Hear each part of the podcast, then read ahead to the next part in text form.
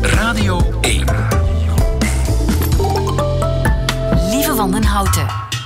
Nieuwe feiten. Dag, dit is de podcast van Nieuwe Feiten, geïnspireerd op de uitzending ervan eh, van 20 december 2019.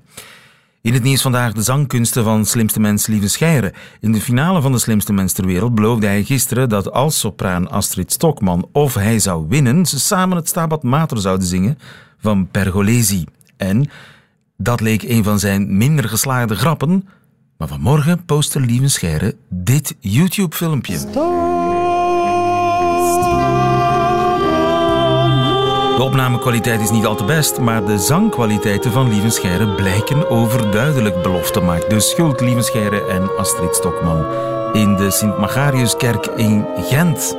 De nieuwe feiten vandaag. Het Parthenon is niet het Parthenon. Vepen maakt ziek. Nuttige cadeaus gaf je vroeger niet. En NOS-correspondent Sander van Horen ziet vooral struisvogels in de wedstraat. De nieuwe feiten van Nico Dijkshoorn hoort u in zijn middagjournaal. Veel plezier. Nieuwe feiten. Hallo!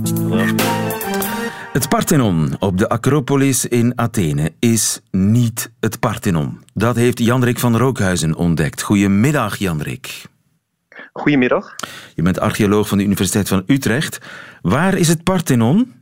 Nou, dat is een hele moeilijke vraag. Ik, heb, eh, eh, ik zeg dat het Parthenon een, eh, een gedeelte is van een ander gebouw op de Acropolis. namelijk dat een ander beroemd gebouw met die vrouwenfiguren die het dak dragen. De Kariatiden. De Kariatiden. Ja, exact. Dat is het Parthenon.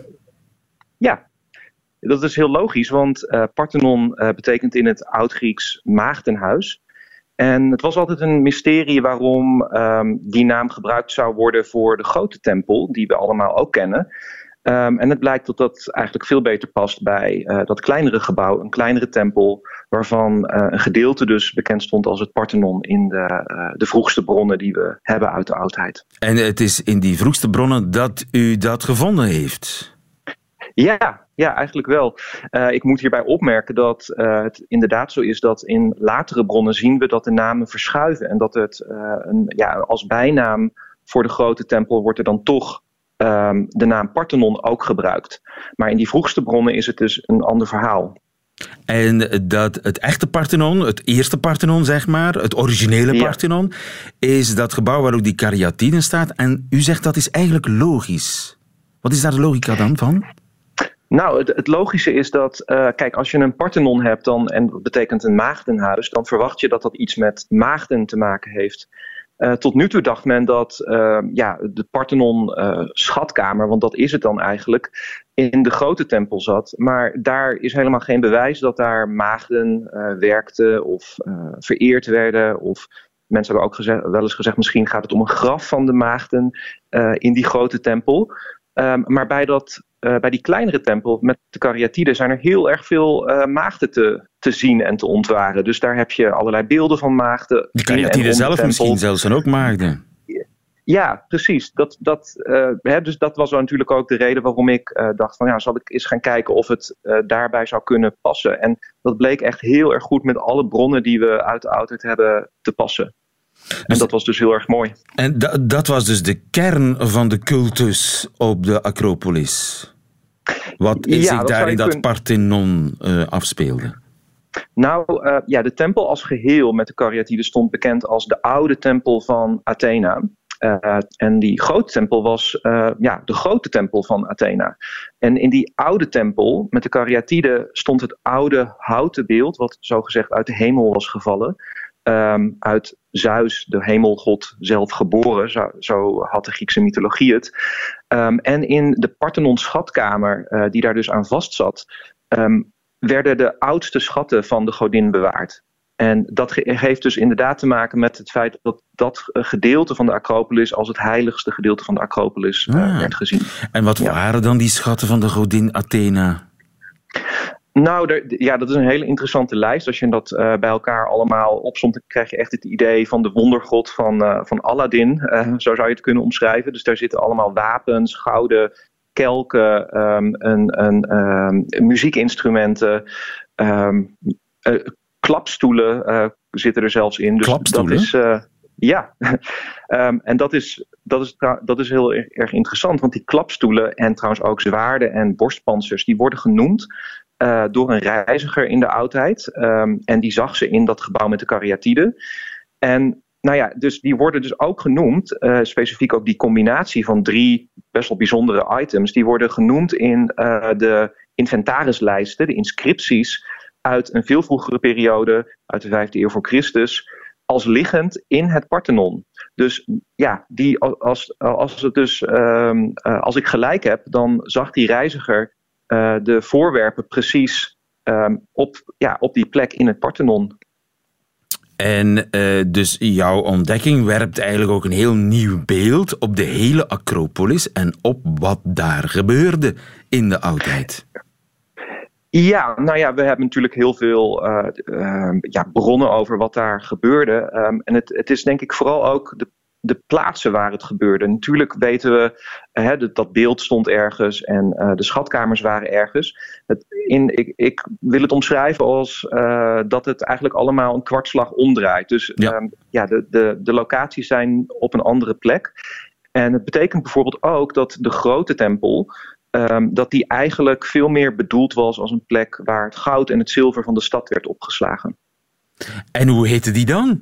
Het Parthenon? Wat is de echte naam van het Parthenon? Het gebouw wat we tot nu toe als het Parthenon gekend hebben. Ja, nou in de, in de bronnen um, noemen ze het soms de tempel van Athena. Of de grote tempel van Athena. En een specifiek woord wat erbij hoort is Hekatompedon. Hekatompedon. Hekatompedon. Het en dat betekent iets minder goed dan het Parthenon, moet ik zeggen. Precies, en dat is, dat is denk ik ook een van de redenen dat het uh, uh, misschien ook wel in onbruik is geraakt op een gegeven moment. Uh, Parthenon is natuurlijk wat, uh, dat klinkt wat meer catchy.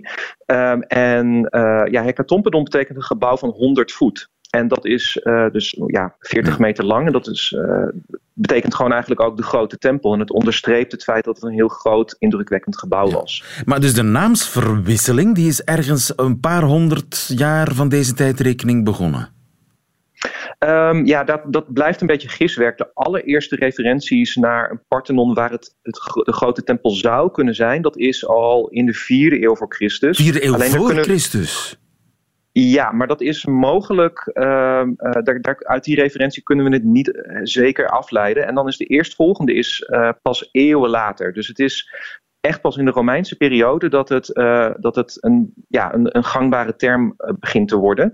En uh, dat is misschien ook wel te verklaren, omdat je dan natuurlijk ook het christendom hebt, wat op een gegeven moment belangrijk wordt. En dan wordt het belangrijk om ook deze, dan wordt het ook de, op een gegeven moment in de Byzantijnse periode de kathedraal van de stad waarbij de uh, gewijd aan de maagd Maria. En dan is het dus ook belangrijk om die maagdelijkheid te onderstrepen. En vandaar Parthenon betekent letterlijk uh, huis van de maagd. Ja. Of zoiets. Ja. Uh, ja. Goed, ja, dat betekent dat het niet zeker is, hè, want ik begin zelfs aan het atomium te twijfelen. ja, dat, uh, dat, dat zou ook een, uh, een mooi onderzoek zijn om daar eens te kijken wat het, uh, waar die term vandaan komt. Ja, eeuwenlang ja. kunnen misverstanden doorgaan en voor waarheid worden gehouden de naamsverwisseling op de Acropolis in Athene. Ja. Jan-Rick van Rookhuizen, gefeliciteerd met je onderzoek en tot een volgende. Dankjewel, goedemiddag. Dank u wel. Dag. Dag. Nieuwe feiten.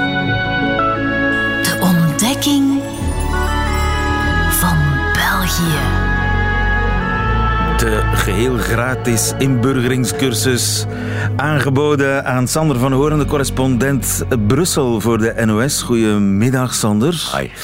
Jij ontdekt ons land nu toch al, uh, hoe lang? Twee nou, jaar? ruim twee jaar. Ruim ja. twee jaar. En ja. elke week kom je daar uh, verslag over uitbrengen. Wat is uh, jou deze week ja, Zo aan het einde van het jaar strijden dingen om de aandacht. De ontsnapping in Turnhout natuurlijk, waarvan we weer eens zo... Gewoon over de muur geklommen. Ja, en we zouden zo graag willen zeggen van... oh, daar heb je ze weer in België. Maar ja, wij hebben onze, grootste, wij hebben onze grootste crimineel uit Dubai moeten ophalen. Dus dat, ik denk dat wij wat dat betreft geen haar beter zijn. En we hebben het afgelopen jaar toch wel gezien... hoe die criminaliteit zich echt niet aan grenzen en over en weer de grens overgaat. En ook aan beide kanten van de grens verhardt. Maar daar wilde ik het niet eens over hebben. Ik ben afgelopen week in België en op Europees niveau vooral met klimaat bezig geweest. En dat vind ik toch wel een grappige. Dat uh, ik het afgelopen jaar vooral met de klimaatspijbelaars hier natuurlijk heb gezien. Dat die uh, burgerbeweging in Vlaanderen, vooral maar in België, veel sterker is dan in Nederland. Maar dat wij in Nederland politiek veel harder lopen. En dat blijf ik een rare match vinden. Hè? Want wij zijn nu weer, ik ben deze hele week. Weet je wat PFAS is? PFAS, daar is Nederland heel erg mee bezig. Dat zit daar in de grond, onder meer. En dat zijn onafbreekbare uh, stoffen die overal een beetje in zitten. en die dan koolstofketens met fluor erin. En dat, dat zijn een soort wondermiddeltjes, want die werken van skiwas tot uh, blusschuim en van teflonlaagjes tot regenkleding. Dus het, uh, het zit overal in. En, en dan vind ik het wel weer. En we vinden dat terug in de bodem. Ja, we vinden dat terug in de bodem. En in hoge concentraties wordt het in verband gebracht met kanker, uh, verminderde vruchtbaarheid en dat soort dingen. Dus um, wij... Groot ding in Nederland. Groot ding in Nederland. En dan ga je hier kijken, helemaal niet. Stikstof speelt hier uh, eerder dit jaar heel groot in Nederland. Hier helemaal niet. Terwijl met dat soort milieuoverschrijdende of grensoverschrijdende milieuproblemen is het probleem in Vlaanderen natuurlijk net zo groot als in Nederland. Wij zijn struisvogels. Ja, en jullie hebben er zeven van. En dat is toch ook iets wat we... we hebben zeven struisvogels. Zeven struisvogels. In de gedaante van een regering. Nou, zeven milieu, milieuministers. ja. Waarbij ik het dan wel weer grappig vond dat uh, uh, die van ons, de milieuminister uit Nederland... die was hier gisteren in Brussel om Europees te pleiten voor een verbod op PFAS. En daar had ze een aantal landen. En uh, dat aantal is gisteren tijdens die vergadering uitgebreid dat haar steunde. En daar stond België dan opeens wel weer bij. Terwijl volgens mij de gemiddelde Belg niet weet wat PFAS is. Maar de milieuminister, ik neem aan dat dan gisteren de federale daar zat. Die, uh, de, de, federale inlopende zaken natuurlijk, want dat is nog altijd na een jaar zo. Uh, en die heeft dus namens België gezegd van ja, dat is een goed idee als we dat gaan verbieden. Maar die politiek, gemiddeld genomen, die loopt achter bij de klimaatambities, denk ik, van de gemiddelde Belg. Ja, dat kun je wel dus het draagvlak is groter op straat dan in de politiek. Ja, en dat vind ik dan wel grappig, want um, je ziet dat België op heel veel fronten gewoon doordraait. Hè? Ik bedoel, uh, ik, ik hoorde toevallig van, eh, van de week op de radio, we zitten nu een jaar na Marrakesh, dus een jaar zonder regering. Ik dacht dat het al lang geweest was, ik heb het ook niet zo gemerkt, je hebt er niet zoveel last van. Dat is tegelijkertijd het grote probleem. En maar dan zie je toch wel weer onze rekbaarheid. Hè? De Belg trekt zijn plan. Die doet gewoon door. Maar dat is voor een deel omdat er natuurlijk op het niveau van uh, de gewesten en de gemeenschappen heel veel geregeld wordt. Daar heb je wel regeringen. Um, maar, en op het niveau van Europa draait die machine ook gewoon door. Alleen op het niveau van Europa moet je er wel bij zijn op het moment dat de besluiten genomen worden. En heb ik het niet over het Europees Parlement. Dan heb ik het als de ministers bij elkaar zitten. Moet je erbij zijn, want anders dan worden de besluiten gewoon genomen... en dan heb jij ze maar in te voeren, te implementeren. En daarover hoorde ik toch ook wel een ontluisterend verhaal. Dat de uh, Belgische ambassade bij de EU, hè, die heb je, zoals Nederland die ook heeft. Die Belgische ambassade die is compleet naar binnen gericht. Daar proberen die zeven bestuurslagen van België het eens te worden. En het gebeurt heel vaak, heb ik uit meerdere bronnen inmiddels begrepen.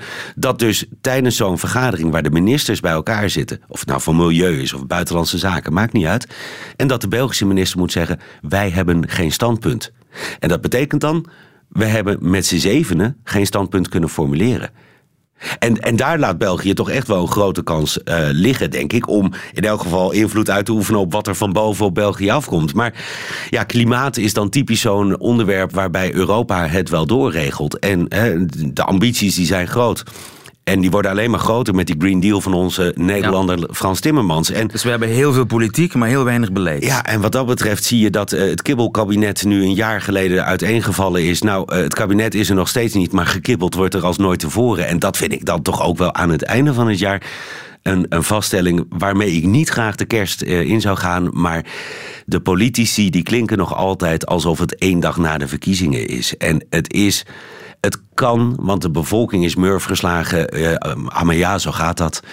Uh, het kan, want door uh, het lagere en het hogere niveau zal het land niet uit elkaar vallen. Maar er zijn dingen die gewoon op federaal niveau geregeld moeten worden. Klimaatbeleid is er zo eentje. Je laat het liggen. Ja, en in Nederland ondenkbaar dat eh, de verkiezingskoorts eigenlijk een jaar na de verkiezingen nog doorgaat? We hebben het al zo vaak over gehad, lieven. Volgens mij is er bij ons op dag 1 nog de retoriek en op dag 2 weet iedereen er zijn compromissen nodig. Dus alles wat wij in de campagne hebben gezegd is van nul en geen allerlei want nu moeten we bij elkaar zien te komen. En die stap, die hebben de Belgische politici een jaar na de val van het kabinet, ruim een half jaar na de verkiezingen, nog altijd niet gezet. Hallucinant.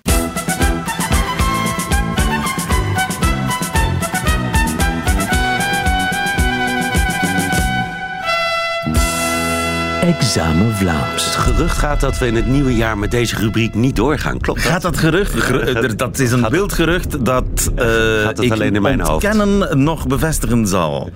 Om het spannend te houden. Uh, jouw grijns is kamerbreed. Je bent er klaar voor? Nooit.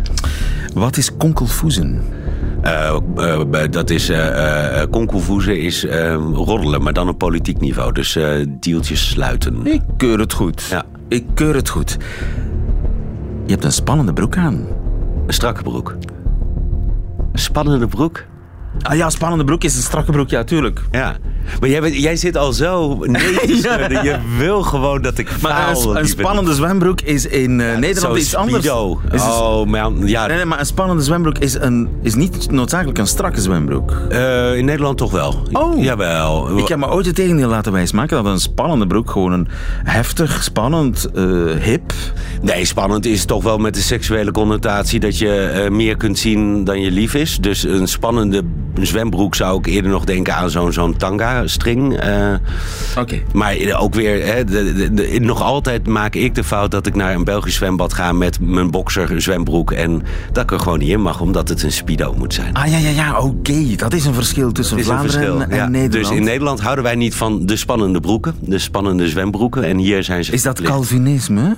Nee, dat is gewoon mode. Op een gegeven moment hebben wij besloten dat het uh, onzin is. En dat je het veel stoerder is om met een beetje de snowboardcultuur in het zwem... Uh, een chakossenoorlog. Een chakossenoorlog?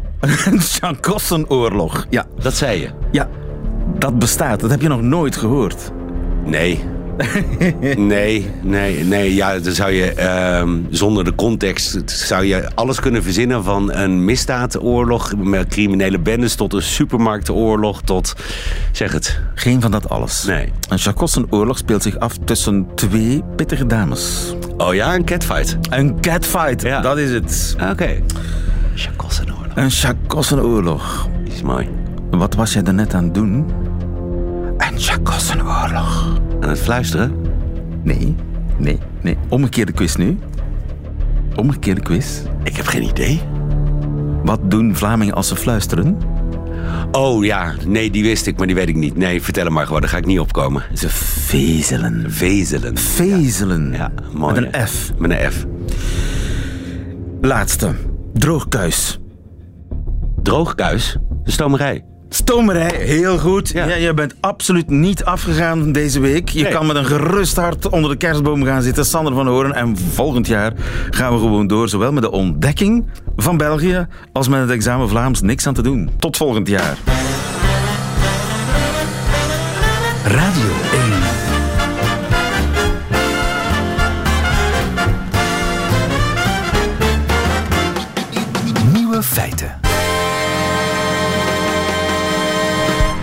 Hoe zit het nu met vapen? Is dat nu gevaarlijk of niet?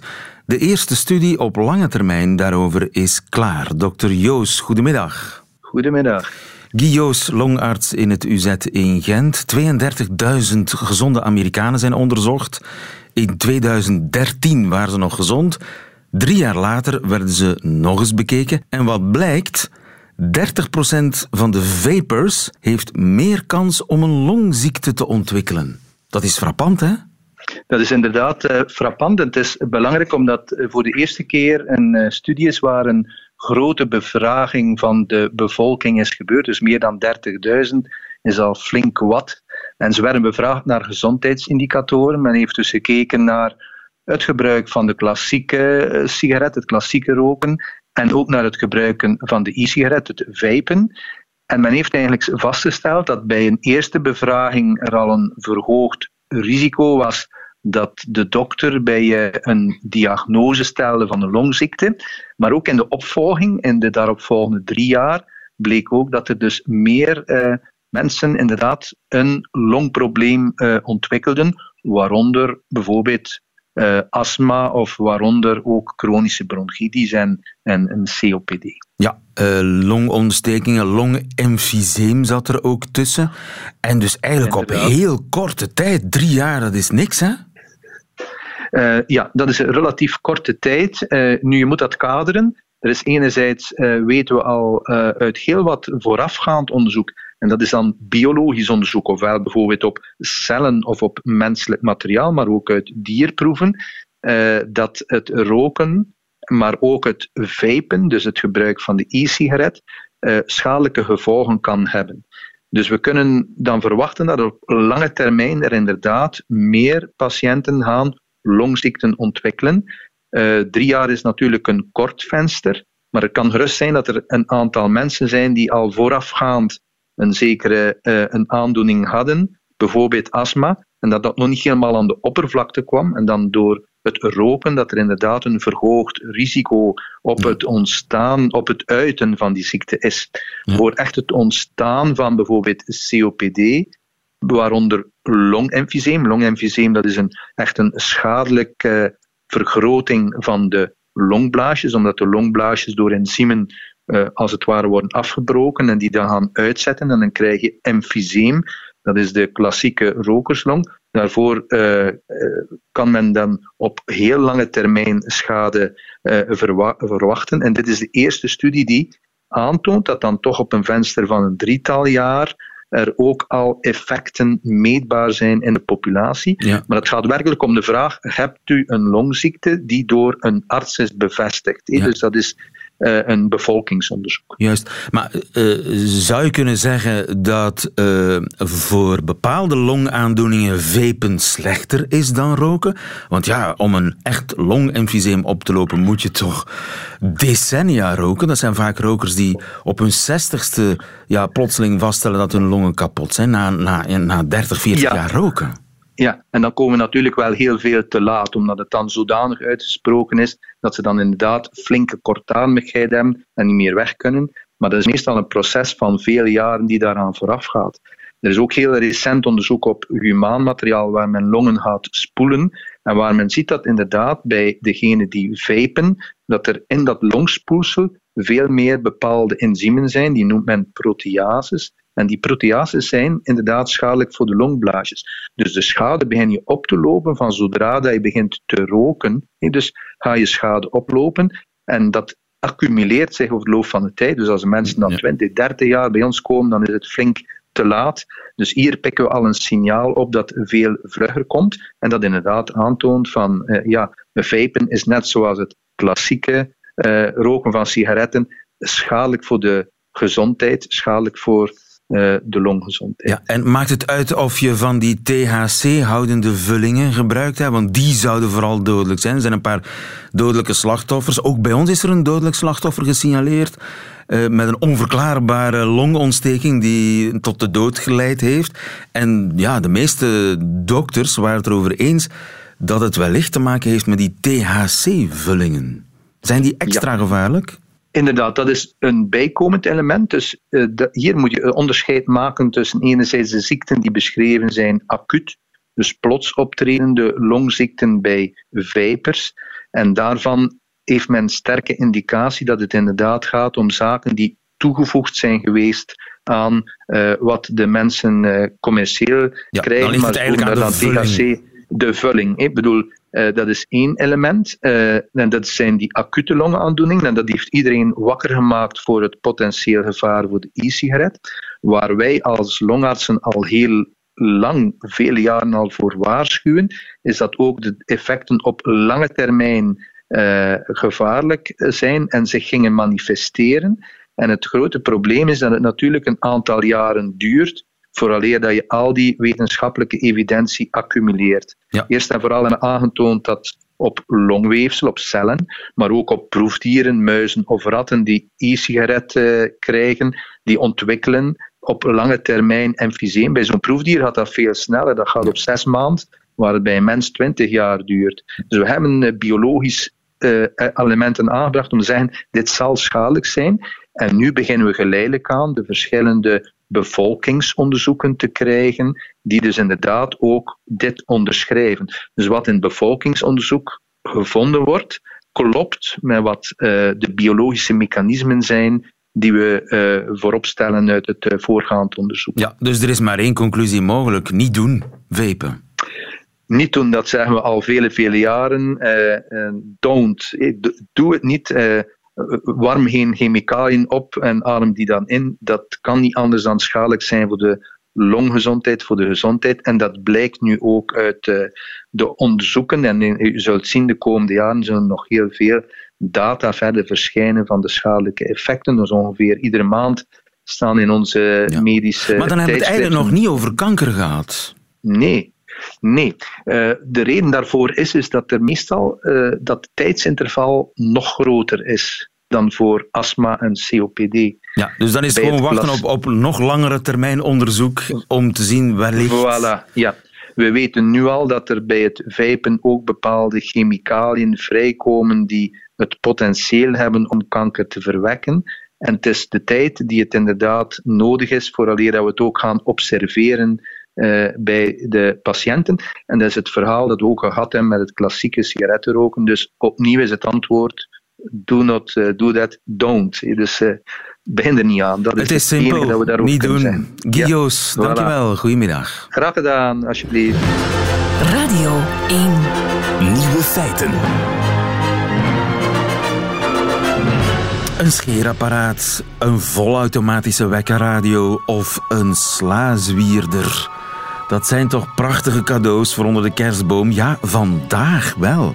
Maar 100 jaar geleden waren cadeaus die van pas kunnen komen ongepast. Els Vraverbeke, goedemiddag. Goedemiddag. Je bent conservator van het Huis van Allein in Gent, het Museum van het Dagelijkse Leven. Een geschenk dat, dat goed van pas komt, een nuttig geschenk dat was vroeger not done om te geven. Dat gaf je niet.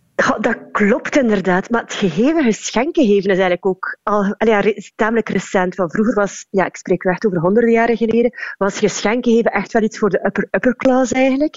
En het, ja, het populariseren van geschenken geven is eigenlijk echt iets in de 19e eeuw. Wat gaven mensen elkaar dan in de 19e eeuw? Vanaf de 19e eeuw werden ja, geschenken dat populairder. Um, maar je moet het natuurlijk ook in de toenmalige tijdsgeest zien. En uh, geschenken moesten vooral een uh, boodschap hebben, of moesten eigenlijk passen in de geest van, ja, ik wil dat de ontvanger een gezonde geest of een gezond lichaam heeft. Dus alles stond ten dienste van iets. Uh, bijvoorbeeld heel vaak werden bij kerstmis of bij een communie, dat waren ja, per definitie al religieuze feesten, werden ook religieuze geschenken gegeven. En bijvoorbeeld bij een een communicantje kreeg een kruisbeeld, een missaal, een, een, een, een gebedenboekje is dat.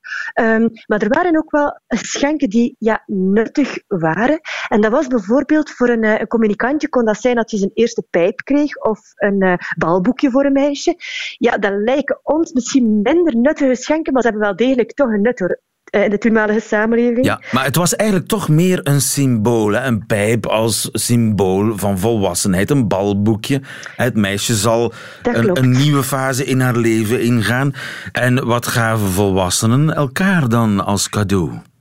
Um, volwassenen was natuurlijk ook afhankelijk van de gelegenheid. Uh, maar heel vaak zijn dat ook wel um, dragers van boodschappen. Um, ja, hetgene dat je wou zeggen, maar misschien niet met woorden, maar op een andere manier. Bijvoorbeeld bij een uh, huwelijk um, werden er werden natuurlijk ook wel strijkbouten gegeven, maar toen was dat nog een heel duur ding.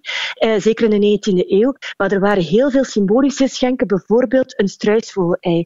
Een huwelijk moest in de 19e eeuw leiden tot kinderen. En een ei is per definitie al een symbool voor vruchtbaarheid. Maar hier in de collectie van het Huis van Rijn hebben wij heel mooie exemplaren die versierd zijn met allerlei vruchtbaarheid vruchtbaarheidssymbolen die daar zo ingekerfd zijn. En dat onderstreept nog de boodschap. En ja, vandaag lijkt een boodschap geven is ja, iets dat we ook onder woorden brengen en, en, en op kaartjes of, in, of ja, elkaar zeggen of telefoneren. Maar in de 19e eeuw was het ja, heel vaak het niet zeggen, maar via een, eh, een, on, ja, een, een, een onrechtstreekse manier van boodschappen geven. En dus ja, de schenker van zo'n struisvogel bij een huwelijk benadrukt nog eens aan het koppel hoe belangrijk het is dat er nu snel kinderen komen. En wanneer is dan de omslag eigenlijk gekomen dat je elkaar inderdaad een strijkijzer gaat geven of een scheerapparaat of, een, of iets, dat, iets dat je kunt uh, gebruiken in huis? Dus inderdaad keukengerief, bureaugerief, uh, poetsgerief, uh, allerhande zaken voor te koken en dergelijke. Um, dat, komt natuurlijk, dat heeft natuurlijk ook veel te maken met de evolutie van het populair worden van zo'n materiaal en ook de goedkope, goedkope massaproductie.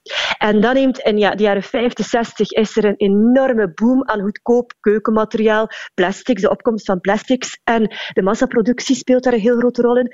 En in de jaren 50, 60 is er dan een enorme ja, boom eigenlijk aan, aan ja, praktische geschenken. Bijvoorbeeld bij een huwelijk was het risico dat je inderdaad tien strijkijzers zou krijgen, omdat die zo evident waren om te kopen. Ja, dat was realiteit. En vandaar dat dan ook bijvoorbeeld de, de huwelijkslijst kort daarna in voer gekomen is. Maar de jaren 50, 60 zijn daar echt wel een kentering in om ja, die, die zeer uh, utilitaire geschenken te gaan kopen. En uh, dat is zo gestaan, dus vanaf de 19e eeuw gekomen. En dan ja, die massaproductie en het goedkoper worden van materiaal brengt dan een heuse boom met zich mee. Ja, dus het is eigenlijk pas uh, na de oorlog begonnen dat uh, klokradio, scheerapparaat, wekkerradio, slaaswierder gedoe onder de kerstboom. Dankjewel, Els Vraverbeke van het Huis van Alijn. Goedemiddag. Nieuwe feiten. Middagjournaal. Beste luisteraars. Ik zag zojuist de vrouw van Donald Trump een kerstboom strelen. Ze liep door een lange gang in het Witte Huis langs tientallen kerstbomen. Op de achtergrond speelde iemand op een elektrische xylofoon een kerstliedje. En daar ging haar rechterhand langs de naaldjes van de derde boom rechts. Als ik in het televisieprogramma De Slimste Mens zat, dan zou ik nu waarschijnlijk de volgende grap maken. Ze voelt de dennennaalden en ze denkt: had mijn man maar zo'n dikke naald. Maar luisteraars, dat dacht ik helemaal niet. Ik dacht aan mijn vader. Niemand liep mooier langs kerstbomen. Ik heb tot mijn vijftiende jaar gedacht dat je ervoor moest hebben gestudeerd. Zo zelfverzekerd liep mijn vader langs kerstbomen. Zoals andere mensen op de markt een sinaasappel aanwijzen. Ja, ja die, nee die andere. Ja die met het lieve naveltje. Zo koos mijn vader onze kerstboom uit. Daar gingen wel lange gesprekken met mijn moeder aan vooraf. Mijn moeder probeerde ieder jaar een iets kleinere boom in het hoofd van mijn vader te praten, maar tevergeefs. Mijn vader hield er een fundamentalistische smaak op na als het om het uiterlijk van kerstbomen ging. Ze moesten net niet in zijn auto passen. Ze moesten een enorme kluit aarde aan de onderkant hebben. Ze moesten heel vol zijn en ze moesten een bovenkant hebben die je eindeloos met een mes moest bijschaven omdat anders de piek er niet op paste. Vooral dat volle, dat een kerstboom lekker vol moest zijn, dat was blijkbaar heel belangrijk voor mijn vader. Hij mompelde het als hij kerstbomen aanraakte. Nee, nee meneertje boom, niks, niet vol genoeg. De uiteindelijke boom werd in de auto gepropt. Ik moest naar huis lopen omdat ik er niet meer bij paste. En thuis vertelde me mijn vader dat hij dat zo goed kon: een boom uitzoeken. Daarom, luisteraars, ga ik over een week bij een tuincentrum staan. En ik ga kijken naar mannen als mijn vader. Ze hebben niks te vertellen op kantoor, niks te vertellen in de keuken. Ze hebben een verloren jeugd, nog nooit iets gewonnen in het leven. En dan één keer per jaar mogen ze doen waar ze goed in zijn. De goede boom uitkiezen. Ik moet ieder jaar huilen om zoveel kleinmenselijke liefheid.